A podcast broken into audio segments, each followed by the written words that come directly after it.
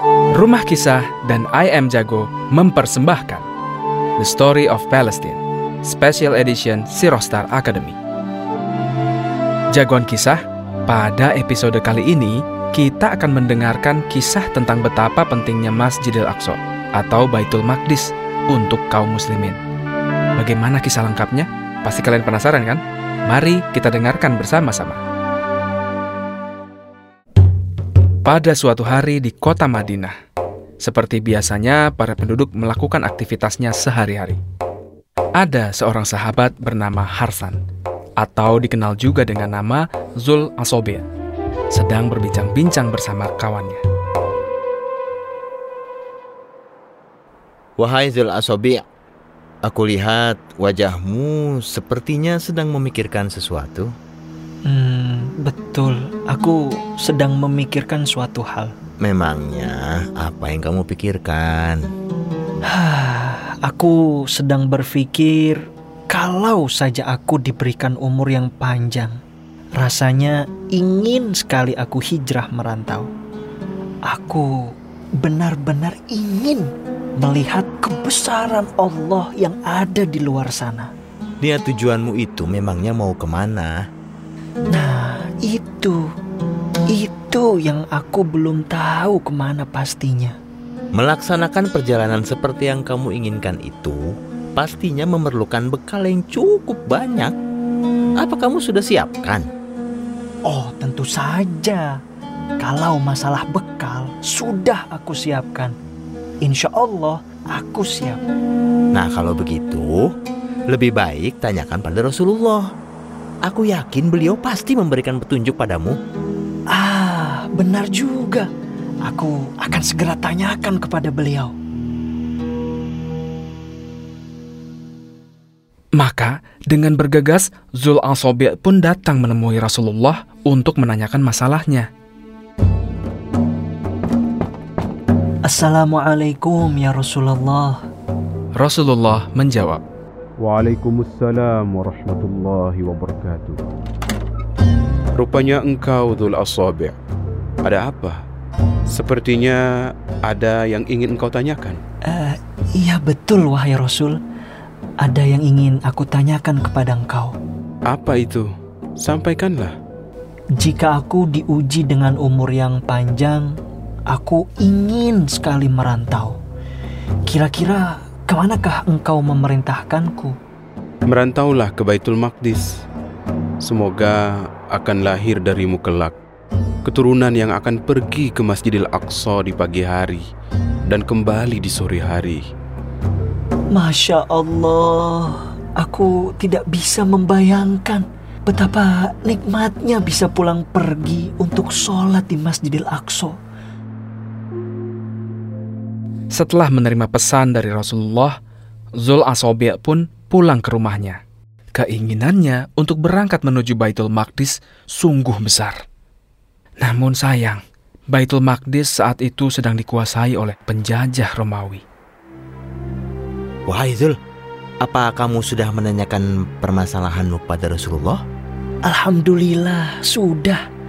Beliau menyarankanku untuk berangkat ke Baitul Maqdis. Allahu Akbar. Baitul Maqdis? Hei Zul, itu adalah negeri para nabi. Iya, betul sekali. Sayangnya, aku belum bisa ke sana. Karena saat ini Baitul Maqdis masih dalam kekuasaan Romawi. Ya kamu harus yakin bahwa suatu saat Baitul Maqdis pasti akan kembali kepada umat Islam. Tentu, keyakinanku juga demikian. Akan datang waktunya nanti. Yang penting kamu jangan sampai putus asa. Demi Allah, Aku pasti bisa ke sana untuk sholat di dalam Masjidil Aqsa. Jagoan kisah, waktu demi waktu berlalu, tahun demi tahun, hingga datangnya masa pemerintahan khalifah kedua umat Islam, yaitu Umar bin Khattab. Umar melakukan ekspansi besar-besaran ke arah Irak, Persia, Damaskus, sampai ke Baitul Maqdis. Dengan seizin Allah, Masjidil Aqsa berhasil dibebaskan oleh umat Islam. Hal ini membuat Zul Asobi segera berangkat menuju Baitul Maqdis. Ia pun masuk ke dalamnya dengan penuh syukur dan tunduk kepada kebesaran Allah Subhanahu wa taala. Ya Allah, akhirnya aku sampai ke tanah muliamu ini. Ya Allah, terima kasih ya Allah. Ya Allah, ini adalah negeri para rasulmu. Kumpulkanlah hambamu ini bersama rasulmu ya Allah. Wahai saudaraku, kenapa engkau berteriak sampai menangis? Ada apa?